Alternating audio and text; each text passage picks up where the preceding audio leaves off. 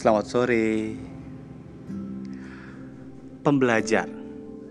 Banyak frasa itu disampaikan. Ada guru pembelajar, manusia pembelajar. Apa itu pembelajar?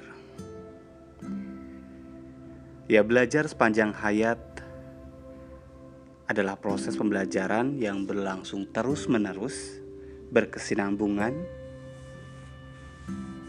tanpa ada akhir. Sebagai seorang pembelajar yang senantiasa mengeksplorasi setiap informasi dan ilmu pengetahuan, tentu saja diperlukan strategi. Bukan hanya sekedar rasa ingin tahu saja. Ya, karena strategi itu menjadi pemuas dari kebutuhan akal pikir yang bisa menyeimbangkan jasmani dan rohani kita. Pembelajar adalah mereka yang sungguh-sungguh dalam mengerjakan sesuatu.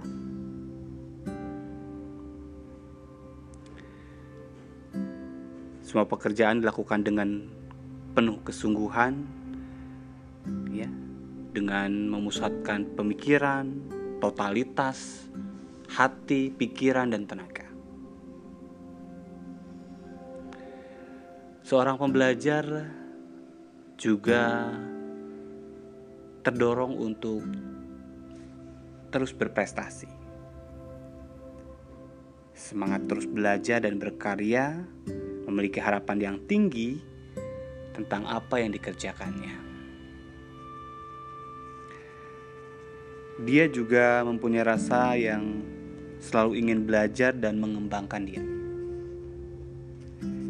Mencari dan membuka informasi baru dari buku, ikut seminar, pelatihan, berbagai sumber. Ya, mau dari YouTube, nonton televisi, dengerin podcast.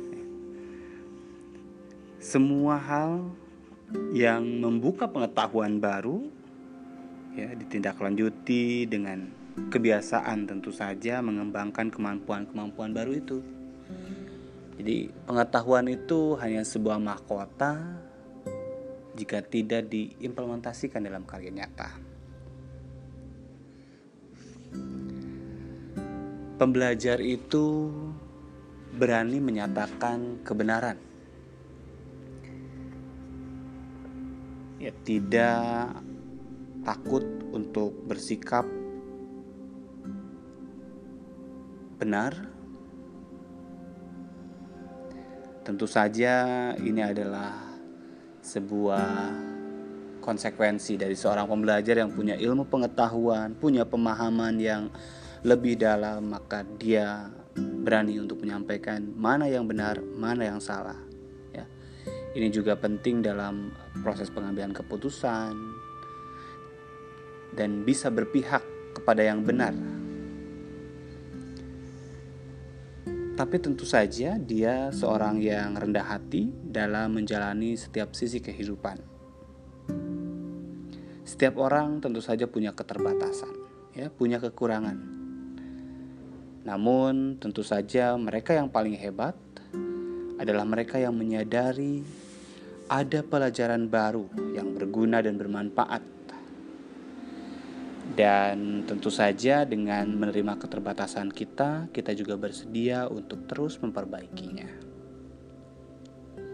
Pembelajar itu optimis, tercemin dari perilakunya yang pantang menyerah, senantiasa bersyukur. Dia juga seorang yang sabar, bersedia menjalani setiap kehidupan, kegiatan dalam proses yang harus dilalui tahap demi tahap tentu saja dengan perencanaan untuk mencapai goals, put pantang putus asa, selalu mencari jalan keluar dalam menyelesaikan setiap masalah yang ada. Dan dalam kehidupan sosial, manusia atau pribadi pembelajar itu adalah orang yang mampu untuk bekerja dalam kelompok. Ya kemampuan untuk beradaptasi, ya, tenggang rasa. Dia bukan Superman, tapi dia mampu menjadi bagian dari super team.